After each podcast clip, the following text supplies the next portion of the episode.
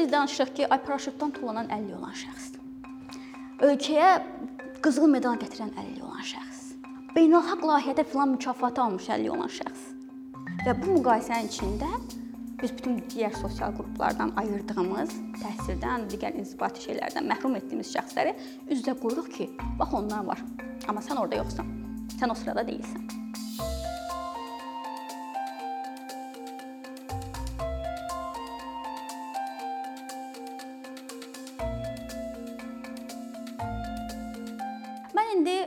Motivasiya bazlıq, yəni əlil olan şəxslərin motivasiya obyekti kimi istifadəsi və onun həm cəmiyyətdə, həm qurumlarda, həm də elə əlil olan şəxslərin özündəki təsiri barəsində danışmaq istəyirəm. Gəlin bir şeydən e, bir şey konkretləşdirək. Motiv Məsələn, biz motivasiya bazlıq deyəndə nəyi nəzərdə tuturuq? Çox vaxt görürsüz ki, əlil olan şəxslərin hər hansı bir plakatı yerləşdirilir ya da video ki çəkilir, televiziyada olur, hər hansı bir korporativ şirkətin korporativ sosial məsuliyyət layihəsində olur ki, bir uğurlu əlil olan şəxs göstərilir, onun bir gündəlik həyatı, necə çətinliklərə qalib gəlməsi, nələr əldə etməsi və axırda da bir sloqanvari bir cümlə gedirir ki, o bütün bu əngəllərə baxmayaraq bunları bacardı. Və burada bir sual ortaya çıxır ki, bu motivasiya cümləsi əslində kimə ünvanlanıb? Əlil olan şəxslərə yoxsa əlilliyi olmayan şəxslərə?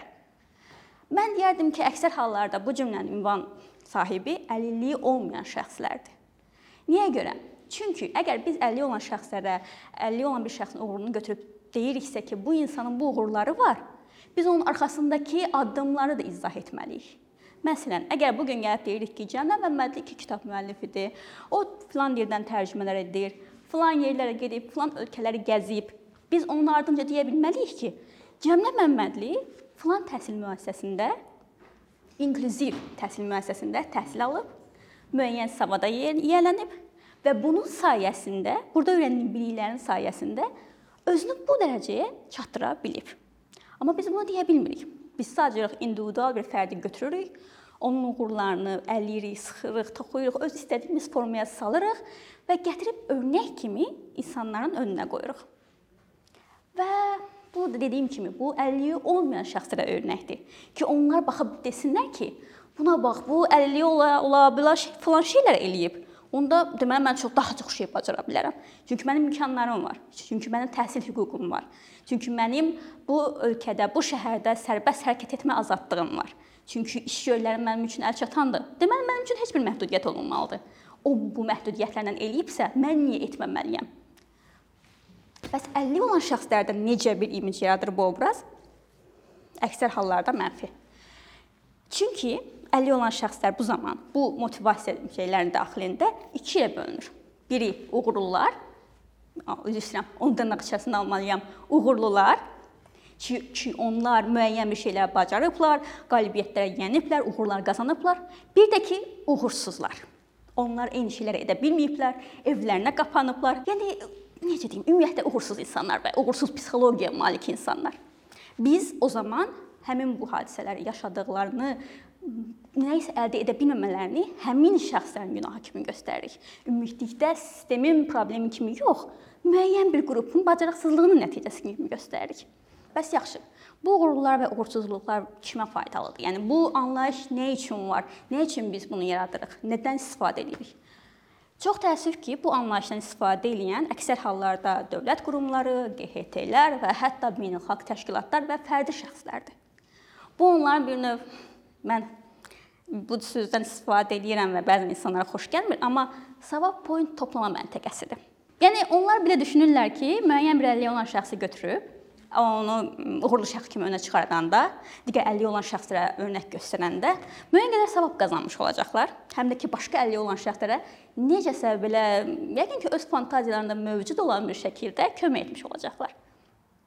Hətta bunun üçün bir çox layihələr də həyata keçirilir. Biraz da o layihələr haqqında danışmaq istəyirəm. Çox vaxt əlilliyi olan şəxsin məşğulluğu, təhsili və ümumiyyətlə cəmiyyətə adaptasiyası bu artıq nə deməkdirsə, adamda belə bir təəssürat yaradır ki, əlilliyi olan şəxslər 20 il həbsxanada olmuş və sonra həbsxanadan çıxmış cəmiyyətə adaptasiya olmaya çalışan fərdlərdir ki, bu başqa bir sual ortaya çıxır ki, 20 il ərzində, yəni əlilliyi olan şəxs 20, 30 40 yaşına çatana kimi bu adaptasiya prosesi, cəmiyyətə daxil etmə prosesi hardaydı?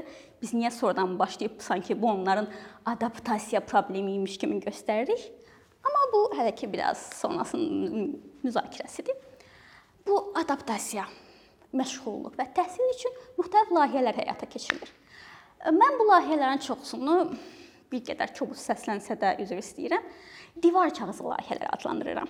Çünki onlardan verilən sertifikatlar əksər hallarda divar kağızı kimi daha faydalıdır, nəinki real həyatda belə iş imkanı və ya hər hansı başqa bir bacarıq kimi. Lakin nədənsə bu layihələr çox məşhurdur. Böyük qrantlar alınır, istər yerli, istər beynəlxalq təşkilatlardan böyük-böyük adamlar gəlib böyük-böyük sözlər verirlər. Onlar əlilləri xilas edəcəklərinə bir növ vicdan and içmiş şəxslərdir və onlar başlayırlar bu layihələri icra etməyə. Bu layihələrin də icrasında çox vaxt yenə dediyim kimi uğurlu da cəmiyyət tərəfindən tanınan bir çox əlilliyi olan şəxs seçilir. Onlar ön sıralarda olur ki, mən də çox vaxt belə layihələrdə iştirak etmişəm. Yalan deməyəcəm. Amma ən azından gələcək evimin divar kağızı olacaq, problem deyil. Yəni olur və həmin şəxsləri gətirirlər, ön sıralarda əyləşdirirlər. Sonra bir neçə həqiqətən ehtiyacı ola biləcək əlil olan şəxsləri gətirib və onlara ümumi bir şəkildə nəyisə öyrətməyə çalışırlar. Amma məsələ bundadır. Mən ya da başqa bir əlil olan şəxs daha belə deyək ki, sərbəst şəkildə böyümüş, daha çox çıxış imkanları əldə etmiş. Bu layihələrdə iştirak edəndə bəlkə ən azından bir əlaqə, gələcəkdə ona faydalı olan bir şəxslə tanış olma imkanı əldə edə bilər. Lakin təəssüf ki, Azərbaycandakı təhsil səviyyəsi ən aşağı olan qrup Bəli, bu belədir. 50 olan şəxslər hazırda Azərbaycanda təhsil səviyyəsi ən aşağı olan qruplardan biridir. Xüsusilə də ali təhsil səviyyəsi faciə bir şəkildə aşağıdır. Çünki Azərbaycanda 50 olan şəxslər üçün uyğun yalnız bir universitet var. Onda ballar çox yüksəkdir. Mən iki dəfə qəbul ola bilmədim. Yəni hazırda təhsil səviyyəsi ən aşağı olan qrupu gətirirlər və onlara yüksək səviyyəli dərslər keçib sanki onlar dərslərdən də öyrənməyəndə, nəsə qazanmayanda onların günahıymış kimi göstərməyə çalışırlar. Yəni ki, biz gəldik, bunu sizə verdik, sizə uğur uğur yolunu göstərməsi üçün cəmləni də gətirdik. Siz ondan örnək almadınız və onun etdiyi kimi çalışmadınız. Onun etdiyi yerlərdə getmədiniz, işləmədiniz, bacarmadınız. Bu minnət qoyma hadisəsi sistemi hərtərəfli sarmış bir şeydir. Dövlət qurumlarında, QHT-lərində, beynəlxalq təşkilatlarda, hətta adi bir şəxslərdə belə bəzən yoldan keçir kimsə deyir ki, sizə kömək etmək istəyirəm. Mən deyirəm ehtiyac yoxdur, sağ olun və mənə bir göz süzdürür ki, mən kömək istədim, bu da mənə naz eləyir. Və eyni düşüncə tərzi küçədən keçən adi adamda olan düşüncə tərzi qurumlarda da var. Onlar da nəsə bir layihə həyata keçirəndə bir minnət qoymaqla Biz bunu əlilliyi olan şəxslər üçün, onlar üçün etdik. Onların gələcəyi uğurları üçün etdik şəklində bir özündən razılıqla həyata keçirilir. Təbii ki, belə bir formada bu düşüncə ilə həyata keçirilmiş layihələrin nə qədər uğurlu olacağı məncə heç kəs üçün belə sual altında olmamalıdır. Və bir digər məsələ var ki, Biz bu vaxt, yəni bunlardan danışanda ki, qurumlar belə eləyir, filan kəslər belə eləyir, cəmiyyət belə davranır. Bütün bunlardan ən təsirlənən qrupun elə hədəf alınan qrup olduğunu unuduruq. Biz dedik ki, bayaq əli olan şəxslər iki qrupa bölünür. Ümumiyyətlə ictimaiyyətin gözündə uğurlu olanlar və uğursuz olanlar. Bir də başqa bir qrup da var ki, onlar öz içlərində özlərini bəlkə də belə bölüblər, narazılar qrupu. Onlar bütün bu hadisələri görür və bunlara etirazını bildirir. Mənim kimi bəlkə də gülümsəyə-gülümsəyə demir, daha əsəbi, daha aqressiv şəkildə deyir, daha belə konkret formada deyir və cəmiyyət tərəfindən onlar narazı, heç nədən belə nə deyim, məmnun olmayan aqressiv qrup şəklində qiymətləndirilir. Demirəm ki, bunların bu sifətdən heç bir doğru deyil, əlbəttə doğrudur. Amma həmin hadisəyə gətirilən addımları biz yaddan çıxarıb çox vaxt onların etirazını əlli olan şəxslərin xasiyyəti kimi başa düşürük. Yaşanılan hadisələrin nəticəsi yox, onların xisləti kimi göstərilir. Amma bu ön mühakimə, insanların beyninə yerləşmiş ön mühakimə reallığa əsaslanır. İnsanların səbəbini öyrənməyə cəhd etmədiyi, ignor etdiyi və səbəbini öyrənəndə də, daha doğrusu göstəriləndə də Televiziyamızda arxasında belə ağlamalıyıq fon musiqisi olan verilişlərdə göstərdiyi səbəblər əsaslanır. Yəni real şəkildə biz demirik ki, əlil olan şəxslərin ə, iş imkanları yoxdur. Ona görə yox ki, onlar bir kursa gedib aldıqları kağız parçası həqiqətən yəni isti-isti printerdən çıxmış kağız parçasını iş tapa bilmirlər. Yox. Biz onu deməliyik ki, əlil olan şəxslərin ən erkən yaşlardan etibarən təhsilləri yoxdur adi uşaq bağçasına belə əlil olan şəxslər gedə bilmir. Və onlar gedə bilməyəndə onların valideynləri də, xüsusilə də anaları, birinci tərbiyə verici Azərbaycanda onlarla bərabər evdə qalır, cəmiyyətdən təcrid olunur. Ailə, valideyn, ana, övlad hər biri birlikdə cəmiyyətdən təcrid olaraq illər keçirirlər. Bu illər artıq keçir gənclik illərinə və sonra da cəmiyyət, dövlət, bütün Qurumlar onların üstünə düşür ki, sən nəsə etməlisən, sən nəsə bacarmalısan, bu zəncirləri qırmalısan, bu əngəlləri aşmalısan. Bu bir qədər fantastik bir arzudur. Yəni çoxumuzun qanadları yoxdur. İndi biraz da bu həqiqətən o əngəlləri aşmış insanlardan danışaq. Tə təəssüf ki, mənim də gənclikdə etdiyim bəzi səhvlər nəticəsində artıq əngəlləri aşmış şəxslərdən biri mən sayılıram. Və Mən bunlara həm də ingilis dilində deyəcəm, üzr istəyirəm, poster child deyirəm. Yəni necə deyim, nümayişkarə şəkildə hər hansı bir tədbirlərin ən belə ön sırasında əyləşdirilən qurumlarda ilk dəvət olunan şəxslər, bəlkə də bundan sonra almayacağam bilmirəm. Yəni bu şəxslər, bu şəxslərin özündə nə yadır? Böyük bir məsuliyyət. Böyük bir təzyiq. Mən indiyə kimi çölə çıxanda özümə belə kədərli, qaşqabaqlı görünmə icazəsi verə bilmirəm. Yəni heç bir şəkildə hətta ən çətin günümdə belə mən məcburam gülümsüyüm. Ən belə səliqəli, şarmlı halımda gəlib necə ki bu gün görürsüz burada. Əlbəttə ki, durub bəzənmək mənim əhvalıma uyğun deyildi. Yəni cüməc günüdür. Çünki mən cəmiyyətə bir şey isbat etməliyəm. Ki 50 olan şəxslər aqressiv deyil. Əlilliyi olan şəxslər pozitivdir. Əlilliyi olan şəxslər cəmiyyətin dəyərli üzvüdür. Bu bu niyə mənim vəzifəmdir?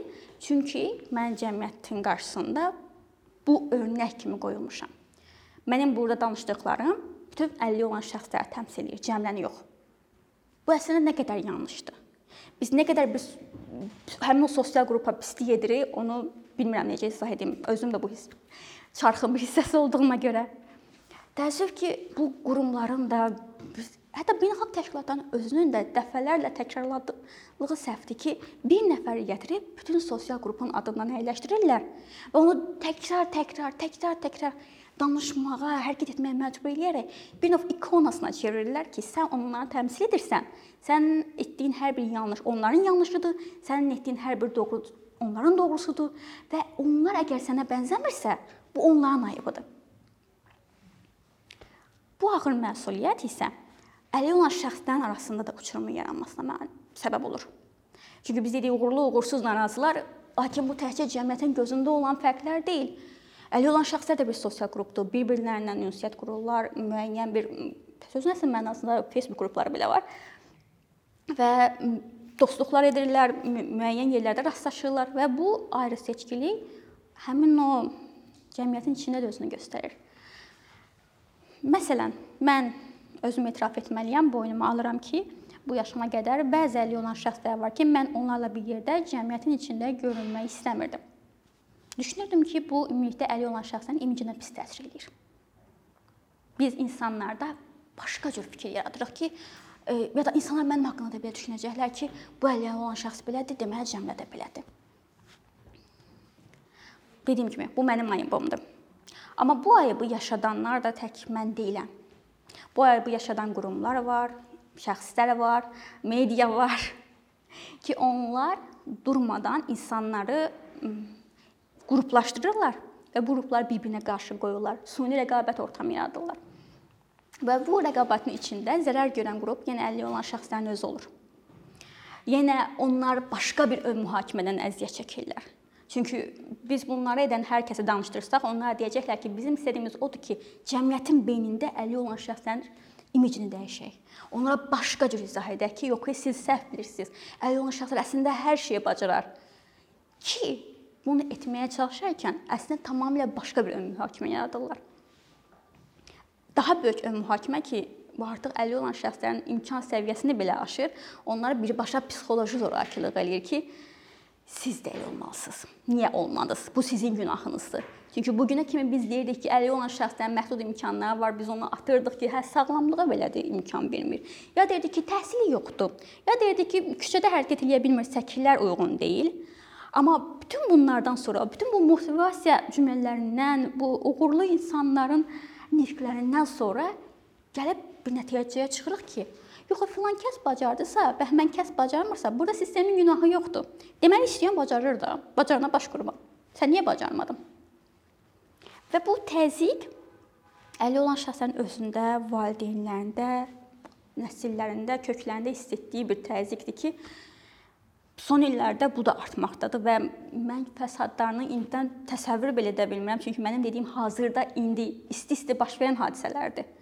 10 il sonra bu motivasiya bazlığın, əlli olan şəxslərin durmadan orada-burada reklam edilməyinin və digər sosial məsələlərinin həmin bu reklamların filan kəs bacardı, filan kəs zəncirlərə qırdığının arxasında, kölgəsində qalmağının nəticəsini mən təsəvvür edə bilmirəm. Bilmirəm ki, 10 ildən sonra bu insanlar nə düşünəcəklər özləri haqqında. Başqalarını durmadan orada-burada reklam edənləri görüləndə görən gənc yeniyetməli olan şəxslər böyüyəndə görəndə ki, yox, axı mən onları edə bilmirəm. Mənim filan yerə imkanım çatmır. Mən bəhmən yerə gedə bilmirəm. Mənim ailə vəziyyətim imkan vermir ki, mən böyük şəhərə gəlim filan şey edim. Mən təhsil alma imkanım getmir. İstər maddi olsun, istər bəlkə fiziki, bəlkə də marağı yoxdur. Və bu insanlar bütün bu uğursuzluqları bir də ki, başqalarının parlaqlığı kölgəsində yaşayacaqlar özlərinə iki qat artıq qapanacaqlar deyə təxmin edirəm. Ya da başqa daha ciddi problemlərlə üzləşəcəklər. Çünki artıq onlara təzyiq tamamilə başqa formadadır. Mənim görmədiyim, mənim gənclikdə görmədiyim formada. Çünki mən gəncliyimdə nələr görürdüm? 50 olan şəxsdən uğurlar deyiləndə çox vaxt, yəni ən yaxşı halda hər hansı əlli olan şəxsin əl işi olurdu, ya bir rəsm əsər çəkirdi, ya nəsə toxuyurdu. Gəlirdi televiziyaya, orada çox mehriban üzlü bir xanım deyir ki, "Oy, həyatımda bu qədər gözəl bir şey görməmişəm." Çox tərifləyirdi, tərifnamə oxuyurdu və sonra səhnə bağlanırdı, hər kəs gedirdi evinə. İndi isə biz danışırıq ki, ay paraşütdən tullanan 50 olan şəxs. Ölkəyə qızıl medal gətirən 50 olan şəxs. Gedib BTS-in danışdığı 50 olan şəxs beynəlxalq layihədə filan mükafatı almış 50 olan şəxs. Və bu müqayisənin içində biz bütün digər sosial qruplardan ayırdığımız, təhsildən, digər inzibati şeylərdən məhrum etdiyimiz şəxsləri üz-üzə qoyuruq ki, bax onlar var. Amma sən orada yoxsan. Sən o sırada deyilsən. Hə, belə bir şeydir bu motivasiya bazlıq. Və bu təkcə Azərbaycanda deyil. İndi bilirəm, biz çox vaxt düşünmək istəyirik ki, hər şey Azərbaycan belədir, bizim insanlar belədir, dərk eləmirlər. Orası elədir, amma bu təkcə Azərbaycana məxsus deyil. Beynəlxalq səviyyədə belə bir motivasiya baslıq hökm sürür. Və bu qədər ağır bir vəziyyətdədir ki, mən bir vaxt bir məqalə yazmışdım öz həyatım haqqında. Bir qəzetdə çap olunmuşdu və orada bir nəfər rəy yazmışdı ki, Nik var, bəlkə də tanıyırsınız. Bəli. Bəs bu necə özündən belə razı yazıb? Güya o nikdir ki, belə yazıb özündən razıdır. Adam Niki tanıyırsınızsa, əgər bilirsiniz ki, çox güclü motivatordur. Və bir də təəssüf ki, bu motivasiya məsələsi də artıq motivatorluq səviyyəsindən qalxıb və beynəlxalq səviyyəyə qalxıb. Çox ay istəyirəm burada biraz fikrimi toplayım. Həmin o dediyim Nik adlı şəxs motivatordur, öz ölkəsində Amerikada olduqca məşhurdur, beynəlxalq turlara çıxır, bir neçə dənə kitabı var, bütün dünyaya motivasiya verir və təsadüfə baxın ki, həm də əlli olan şəxsdir. Lakin insanların beynində o qədər bu Nik motivatordur, Nik əlli olan şəxsdir. Birləşib ki, olub Nik Nik həm əlli olan şəxs, həm motivator yox. Nik motivator olan əlli olan şəxs olub. Bunun fərqi nədir? Məsələn, mən cəmləyəm. Mən burdan gedəndə gedib motivasiya mətni yazıb çap eləməyəcəm, sizə paylamayacağam. Mən oturub öz işimi görəcəm ki, deadline artıq keçməkdə oğlan. Biz gedib öz ev işimi görəcəm. Lakin mən motivator deyiləm. Filan kəs motivatordur. Onun işi də başqalarına motivasiya verəcək kitablar yazmaqdadır. Hə, mən o kitabları nə qədər faydalı hesab edirəm, bu başqa bir sualdır. Amma yenə elə insanlar da var ki, onlar onun işi o kitabları yazmaq, çıxıb səhnələrdə oratorluq eləmək və insanlara motivasiya verməkdir. Amma bu sırf insan əli olan şəxs olduğuna görə deyil, onun bu sahədə qabiliyyəti olduğuna görə, marağı olduğuna görə, istəyi olduğuna görədir. Beynəlxalq aləmdə isə bunu artıq başqa bir şeyə çeviriblər. İstənilən 50 olan şəxsi, əgər bir balaca uğurluğu varsa, bir balaca star işığı varsa, səhnəyə çıxarıb motivator olmağa məcbur eləyirlər. Sözün əsl mənasında. İstəyirlər ki, o çıxsın, başqalarına öyrətsin ki, o bunu necə necə bacardı. O da biraz gülməlidir, çünki yenə başqa ölkələrdə bunu dəstəkləyəcək azdan çoxdan sistem var. Bizə niyə çıxarıb danışdırırlar, onu hələ də başa düşmüş deyiləm. Nəysə, Çıxarıb danışdıracaqlar ki, falan şey necə bazardı, falan şey necə bacardı, necə o qorxulardan azad oldu, necə özünə inamı qazandı. Və beləcə iş bağlanacaq. Və bunun sayəsində yenə dediyim kimi, Azərbaycanda olduğu kimi dünyada da ümumi əli olan şəxslərin üzərində bir təzyiq yaradırlar ki, hər kəs o motivasiyanı qazana bilər. İndividuallıq tamamilə nəzərdən qaçır ki, əli olan şəxslər ayrı-ayrı fərdlərdir. Onlar bir sosial qrupun içindədirlər bir qrupun üzvü deyillər. Eyni anda hərəkət etmir, eyni anda düşünmür, eyni siyasi fikirlərə, ictimai mədəni fikirlərə malik deyillər. Ailələr fərqlidir birincisi. Və biz gətiririk bütün o sosial qrupu, müxtəlif fərdlərdən olan sosial qrupu eyni qazanda etməyə çalışırıq ki, siz hamınız birsiniz, sizin hamınızın ehtiyacı olan budur. Bir də o sehrli cümlədir ki, sizi belə həyəcanlandırsın, belə sizə bir motivasiya versin ki, başlayasınız işə və filan uğurlar əldə edəsiniz. Dediyim kimi bu həm beynəlxalq aləmdə, həm də yerli çox kök salmış bir məsələdir və böyük ehtimalla harsa 10-15 ildə fəsadlarını görməyə başlayacağıq. Bəs bundan necə qurtula bilərik? Okay, bu da çox qəşəng sualdır. Mən bunun üçün yalnız bir yol görürəm ki, bu mənim dəfələrlə təkrarladığım bir yer, bir şeydir. Bir şey çox görürsünüzsə, o sizin normanıza çevrilir. O sizin normanızda siz onu nəzərə almırsınız. Siz onu nəzərə almırsınızsa, o artıq sizin bir hissənizdir. Gündəlik həyatınızın bir hissəsi. Məsələn, siz gətirib bir əli olan şəxsin plakatını asıb altından onlar belə zəncirlər qırdı, qırdı. Bir əli olan şəxsin gətirib plakatını asıb onlar zəncirləri qırdılar deyə yazmaq əli olan şəxsləri normallaşdırmır. Siz onu zooparkda göstərilən, çox üzr istəyirəm ifadəmə görə, amma zooparkda göstərilən əndrabadə heyvan kimi nümayiş etməyə çalışırsınız. Halbuki sizin iş məkanlarınız elə dövlət qurumlarının özündən başlayaq. Niyə də yox? Yəni birincisi qanunla məcburiyyəti olan birinci qurumlar onlardır. Sizin işləriniz, iş yerləriniz əgər əlli olan şəxslərə uyğun olsa, sizin əməkdaşlarınızın biri yox, də gözmuncuq kimi nəzərdə tutmuram. Həqiqətən müəyyən bir qismi əlli olan şəxs olsa və bunun üçün də həmin o quruma uyğun əməkdaş yetişdirmək üçün də sizin müəyyən yaxşı deyək ki, universitet olmasın, lap beşə məktəb olsun ki, müəssər, inklusiv onlar yaratsanız. Lazım deyil ki, biz hamıya bu an, bu dəqiqə izah eləyək ki, baxın, ay cəmaət, bizdə əli olan şəxslərə belə bir qayğı var ki, burdan ə, metrodan bura gələnən kimi azı 15 dəfə ölüm riski yaşamışam, səkidən gedə bilmədiyimə görə, amma yenə də var. Yəni ürəklərində o qayğını hiss eləyirəm mən. Belə bir qayğı var. Bunu göstərmək üçün biz bu dəqiqə kimsəcə yapışıb səhnələr çıxarmalı deyilik. Bizim gələcək planımız indinin yox, 15 ilin, 25 ilin, lap 50 il sonranın olmalıdır. Mən bunu deyəndə hə, bəzən dostlarım mənə deyir ki, "Bəs Cəmə, necə belə deyirsən? Bax, görmürsən bura səhvdir. Bax, burada filan şey var." Deyirəm, bilirəm. Mən çalışıram ki, mən bu cığırdan gedim, mən burada yıxılım. İnsanlar görsünlər ki, Cəmlə burdan gedəndə yıxılır. Deməli, bunu düzəltmək lazımdır. Biraz uzun müddətli və bir qədər də təhlükəli plandır. Amma mənim planım budur. Və məncə biz artıq insanların yıxıldığını görmüşük. Yəni görə bilməliyik. O sertifikatların heç bir şey yaranmadığını başa düşə bilməliyik. Durmadan qrup-qrup əlli olan şəxsləri əl işlərinə yönləndirməyinin əmək bazarı formalaşdırılmayacağını dərk edə bilməliyik. Və ən əsası, insanlara çıxıb başqalarının qabağına qoyanda ondan örnək yox, əksinə bəlkə də başqa bir necə deyim, cəsarət qıran, məyus edən bir obyekt ola biləcəyini dərk edə bilməliyik. Bizim cəsarətimiz onlara imkanlar verməklə olmalıdır. Təkcə maddi imkandan danışmıram, yəni olsa pis olmazdı. amma həm də öz yollarına özləri gedə biləcəkləri imkanlar. Həm fiziki mənada, həm də ki, sosial-iqtisadi mənada. 快点。